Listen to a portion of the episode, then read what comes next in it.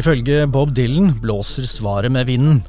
Det mener trolig vår gjest i Innopoden også. Ann-Kristin Andersen har 30 års erfaring fra olje og gass, men nå handler det meste om havvind. Kan leverandørindustrien omstille seg på samme måte som hun har gjort? Har Norge fortsatt mulighet til å bli en ledende havvindnasjon, slik regjeringen ønsker, eller er vi for seint ute? Ann-Kristin Andersen har styreerfaring fra en rekke norske og internasjonale bedrifter, og har vært strategisk rådgiver for Innovasjon Norges entry-program for havvind. Da er det på tide å invitere henne hit til Innopodden med Håkon Haugli og meg, Kjetil Svorkmo Bergman. Velkommen til Innopodden, Ann-Kristin Andersen. Det er hyggelig å ha deg her. Tusen takk for at jeg ble invitert. Du har erfaring fra ulike roller i en lang rekke bedrifter og organisasjoner, fra å være styreleder i Drammen havn, styremedlem og styreleder i Glitre Energi, styremedlem i Mersk Drilling, til å ha jobbet 18 år i Teknip FMC og 7 år i Kongsberg, blant mye annet. Vi skal ikke gå i detalj på alt dette, men gi oss ett eksempel på noe du er spesielt stolt av å ha oppnådd i løpet av alle de årene i nærings- og organisasjonslivet. Hadde du spurt meg i livet, så hadde jeg måttet trekke fram mine to flotte døtre, som jeg er utrolig stolt av. Men uh, i næringslivet, organisasjonslivet, så er det sånn at jeg har hatt mange opp- og nedturer, og, som har gjort meg både stolt og gitt meg masse personlig vekst. Men hvis jeg skulle trekke fram et uh, nylig eksempel, da, så har jeg og mange andre via tre år av mitt liv nå på en fusjonsprosess mellom Glitre Energi og Agder Energi. Og vi er nå blitt til Å det har vært en lang og god prosess eh, på vegne av våre eiere. Det er 47 kommuner som eier dette selskapet sammen med Statkraft. Og jeg var utrolig stolt i Sørlandshallen eh, i desember når vi kunne feire at vi var blitt eh, en flott bokstav som heter Å. Og kjenne på den energien av alle ansatte. Og, og, så er jeg veldig stolt at jeg får lov å være med på reisen videre som styreleder i Å Energi. Mm. Da greier dere finne et så kort selskapsnavn som bare mulig, da. ja, ja, og internasjonalt. Det er en unik bokstav. Ja. Du jobber mye med, med, med kraft, og, og, særlig da med, med, vindkraft eh, nå. Og da vi snakket sammen på forhånd, så brukte du et begrep som jeg ikke hadde hørt tidligere, men som jeg skjønner at er helt sentralt innenfor de områdene der du jobber, eh, nemlig energitrilemmaet.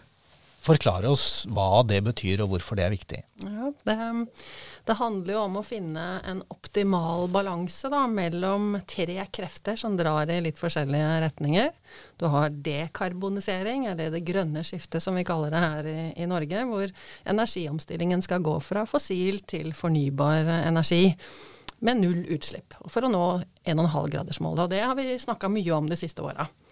Og så er den andre kreften eh, som, som, driver i en litt annen retning, er jo forsyningssikkerhet. Eh, det er et tema som kanskje ikke har vært så lenge på dagsordenen, i hvert fall nå i det siste, for vi har hatt nok gass. og, og det har vært eh, rimelig grei fred. Eh, men vi har nå laga et energisystem som fordrer stabile leveranser over landegrenser. Og i dag så står vi i en helt ekstraordinær situasjon med Putin sin angrepskrig hvor han stanser energiforsyning inn i, i Europa som et våpen. Og så har vi også et system som er prega av ekstremvær. Så når vi har tørke, så tørker jo vannmagasinene opp. Så vår forsyningssikkerhet i dag er uh, trua, og det er kommet veldig høyt opp på, på dagsordenen. Og den tredje kraften da, i dette trilemmaet er det å ha energi til overkommelige priser. Og vi står jo nå uh, i en situasjon hvor vi i Norge har jo historisk hatt veldig lave kraftpriser. Men nå har knappheten på energi gitt oss eh, en strømpriskrise. Og det hjelper ikke så mye å si at det er verre i andre land. Det er liksom din egen lommebok du kjenner det på. Så um, regjeringens strømprisgrep den treffer jo godt til meg og deg, men, men, vi forventer mer. Og i Norge har vi også en tradisjon for å drive med veldig kraftforedlende industri, eh, som trenger mye kraft. Gjødsel, aluminium. Og, og, det er viktig at vi har nok kraft i industrien vår, for som kjent så følger industrien energien. Så, så det er det å balansere disse tre tingene, det er liksom energitrilemma. Men er det sånn at de nødvendigvis henger sammen, disse tre? Ja, de, de, gjør egentlig det. Men så er det klart at eh, når du har nok kraft, så er, det, så er du ikke bekymra over verken priser eller forsyningssikkerhet. Da tenker du uh, hovedsakelig på å få, få opp farta på det grønne skiftet.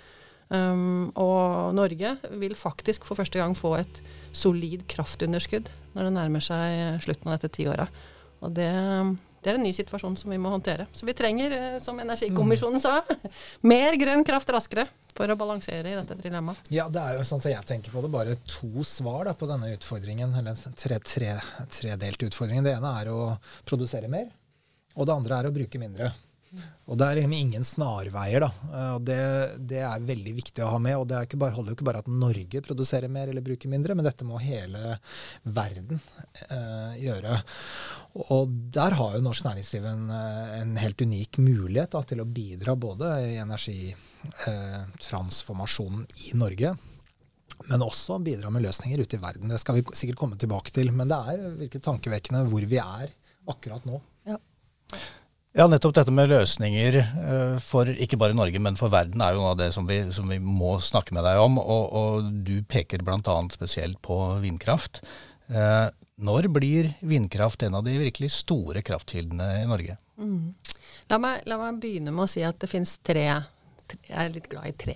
det finnes tre former for vindkraft. Det er landbasert eh, vind. Uh, og i dag så har vi 64 kraftverk og 1100 turbiner spredt omkring i, i Norge som produserer ja, 15 TWh, som er omtrent 10% av vannkraften vår i dag. Og så finnes det bunnfast eh, vind, hvor du setter på en måte en havvindmølle ut i havet på bunnen, sjøbunnen. Eh, det må ikke være for dypt, da. vi har jo akkurat utlyst Sørlige Nordsjø 2 her i, i, i Norge. Da må man uh, tenke seg at bunnfast havvind er konkurransedyktig i dag, og det fins en del av det ute i, Europa, og nå kommer det også til Norge. Og så fins det flytende havvind. Det er liksom den tredje faktoren. Den kan du sette, En flytende havvindmølle kan du sette hvor som helst, den flyter. Og, og, men løsningene har ikke gått gjennom disse teknologistegene enda, så den er ikke helt konkurransedyktig på det som vi kaller for levelized cost of energy. altså kostnadskurven er ikke kommet godt nok ned, men det kommer den til å gjøre.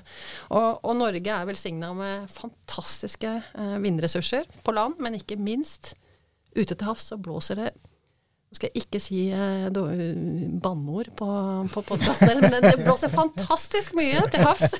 Vi har et helt fantastisk eh, mulighet for å høste kraft fra havvind i Norge langs vår langstrakte kyst. Og når du setter en eh, mølle ut i havet, så kan du også bygge mye høyere og mye større. Så til ditt spørsmål, da, når er det vindkraft blir en av de store kildene til, til kraft? Um, landvind har jo stansa opp. Eh, det blir ikke mer landvindmøller uten at eh, lokale kommuner eh, etterspør det hos seg.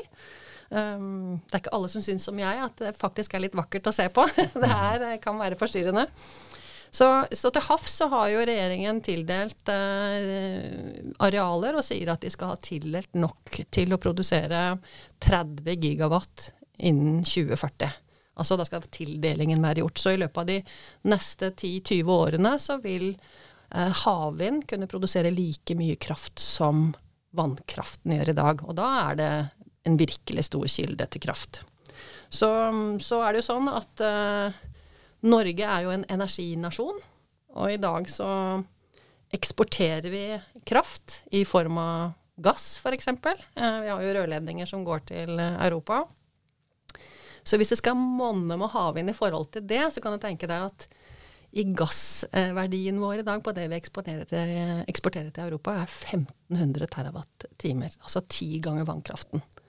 Så det, det, er ganske mange havvindparker som må bygges over de neste kanskje 30-40-50 årene for å kunne eh, si at Norge skal være en kraft- og en energinasjon også etter det grønne skiftet.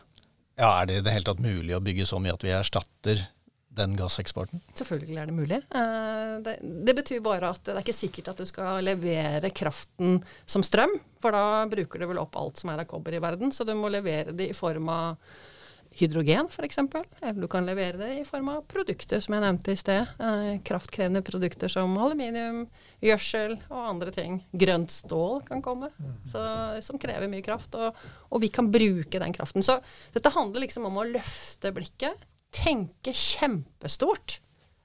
Så skal vi være relevante. Olje og gass kommer til å vare i 30-40-50 år til. Men etter det så kan vi ha nok eh, havvindparker til å levere grønn energi.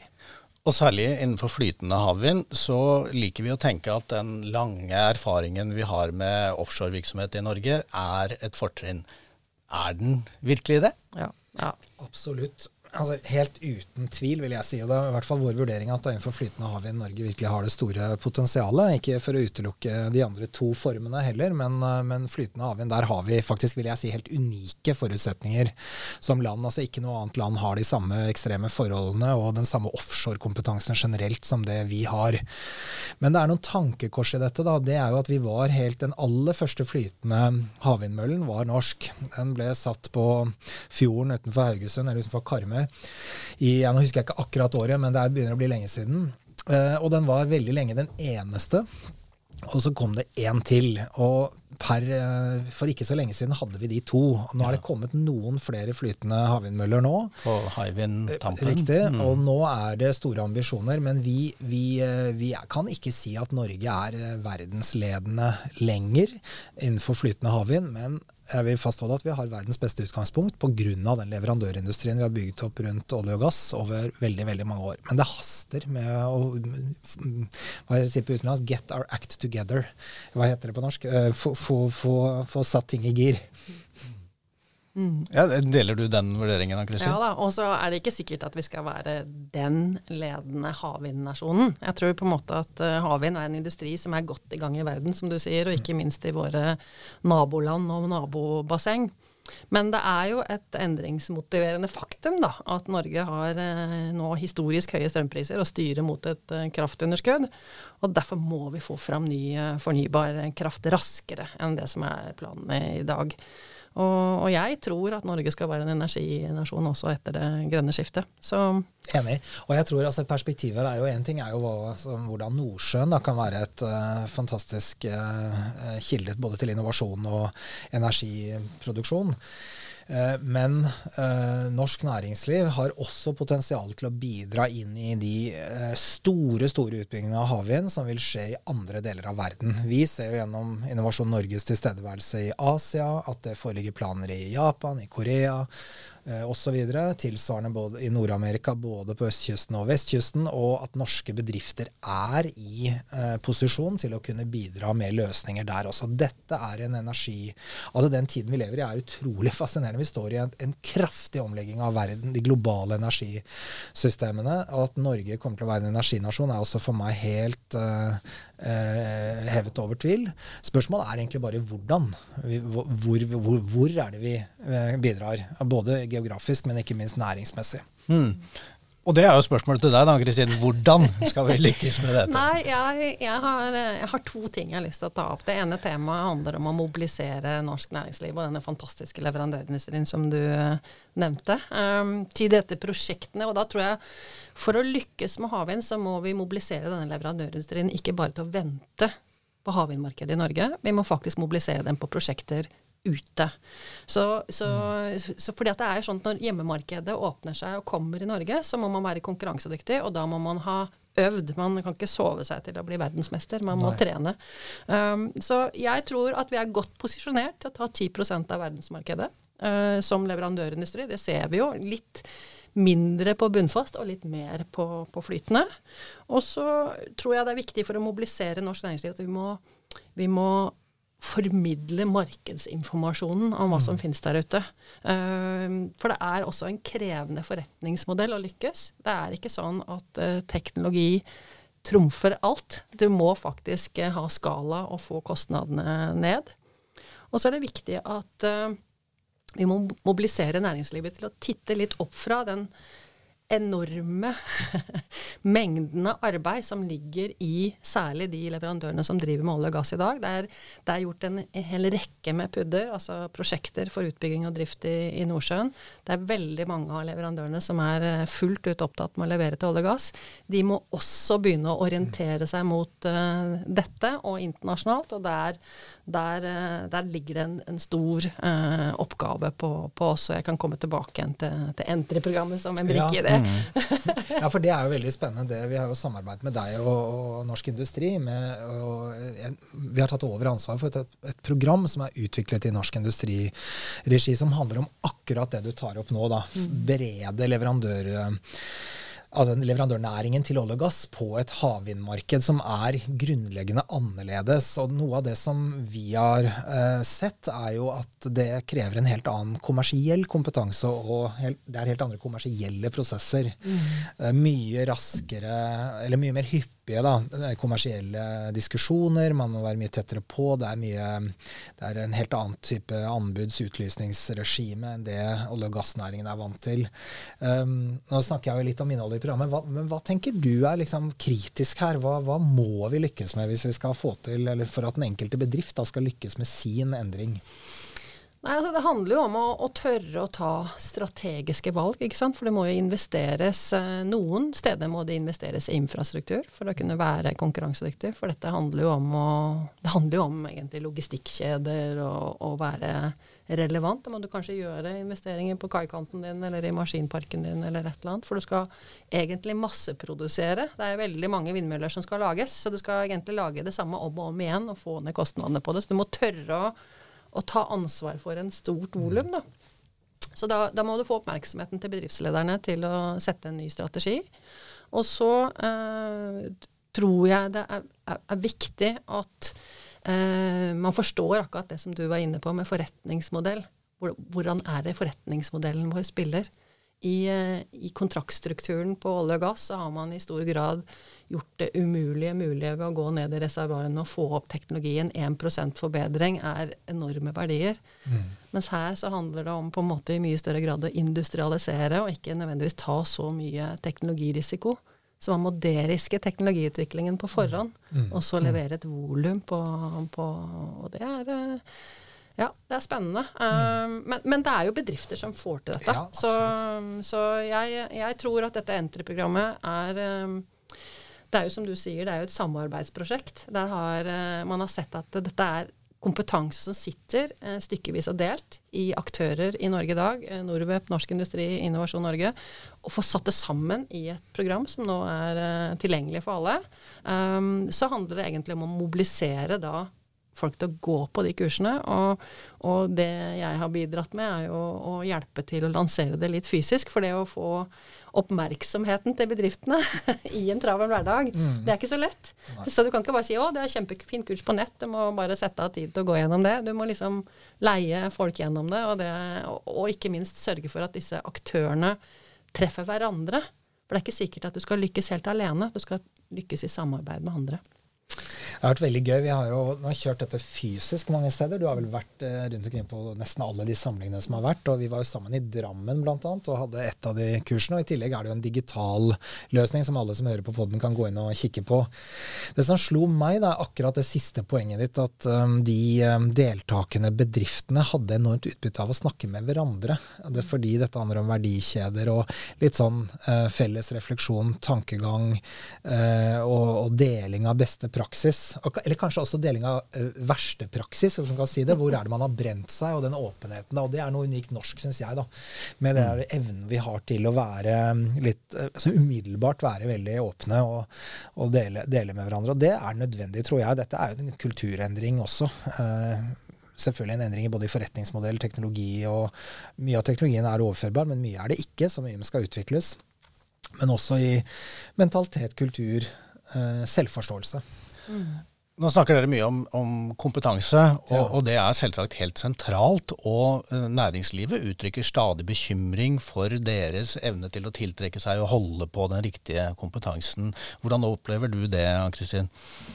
Altså, vi er et lite land med en åpen økonomi, og, og selv om våre innbyggere har eh, høy utdanning og høy kompetanse, så er det jo noe med liksom det å klare å å levere da, når det er travelt i industrien. og Det, det, det er jo nye rammevilkår også rundt innleiedirektiv osv. Så sånn at det, det, er krevende å ha nok folk til å både se på det som er kjernevirksomheten din i dag, og det du skal over i. Så jeg tror det å tiltrekke seg eh, nye ansatte, sørge for at man får eh, erstatta den eldrebølgen som også er på vei ut i pensjonslivet, um, det er krevende. Det er veldig krevende. Så, så, det er lurt at vi deler kunnskap på en klok måte, og ikke kaster bort tid, i hvert fall. Men da skal det litt mer til enn et kompetanseprogram fra Innovasjon Norge. Hva, hva annet kan, kan, man gjøre for, for, å få til dette? Ja. Nei, men jeg, jeg, har lyst til å spole litt tilbake. Nå har vi snakka litt om at bedriftene, vi må få mobilisert bedriftene som et tiltak for å bli ledende på havvind. Og så vet jeg ikke, jeg svarer ikke helt på spørsmålet ditt, men jeg skal ta en liten beslekta problemstilling. Og det er at uh, jeg tror det er viktig at vi også samarbeider langs andre akser enn at næringslivet skal samarbeide og få opp, uh, få opp kompetanse kompetansen. Så vi må styrke samarbeidet mellom departementene. Um, vi må få en sektorsatsing på havvind, uh, både her ute i verden og hjemme.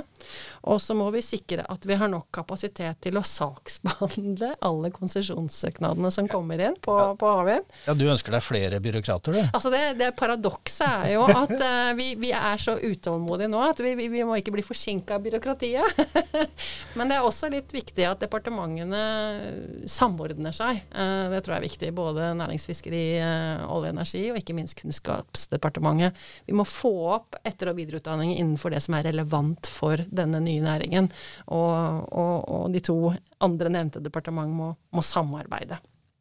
Og så har jeg lyst til å si en annen akse som jeg er opptatt av, og det er at vi må forsterke da snakker jeg jo ofte om mer penger, men vi må samordne også virkemiddelapparatet for havvind.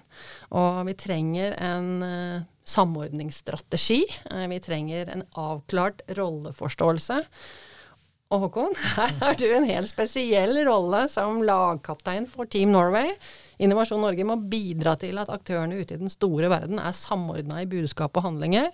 Altså Nils Arne Eggen sa det godt i sin fotballfilosofi.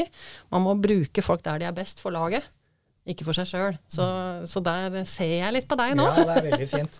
Og så tar den utfordringen, og vi, vi, vil veldig gjerne det. Og så skal vi gjøre alt vi kan for å både altså være den altså, greie storebroren da, i det, det eh, samspillet som er både ute, i det vi kaller Team Norway ute, og hjemme eh, i aksene opp mot da, våre oppdragsgivere, da, som departementene og andre, men også mellom de ulike virkemiddelaktørene. Rett før jul så signerte vi en samarbeidsavtale med Norwep. Vi eh, gleder oss til å videreutvikle det samarbeidet. Og I tillegg så er det, er det en rekke klynger og næringsorganisasjoner som vil ha viktige roller i dette. Så vi skal eh, gjøre vårt, og jeg skal gjøre mitt for å, eh, for å få til det der. Mm -hmm.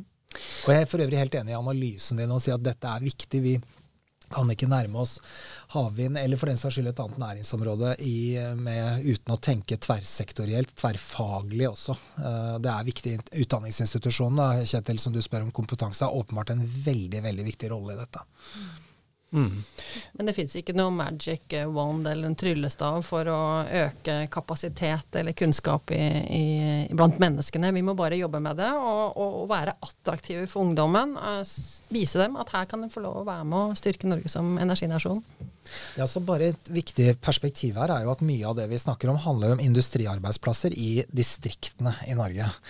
Og det vi ser er jo at det er, det er ikke mangel på muligheter der, men det er mangel på folk. Og det å gjøre dette til attraktive arbeidsplasser, det tror jeg både bidrar til å eh, beholde og tiltrekke kompetanse utenfra, men også til å gjøre det, disse samfunnene mer eh, livskraftige.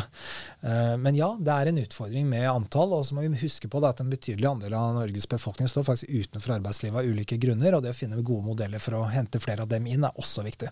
Mm.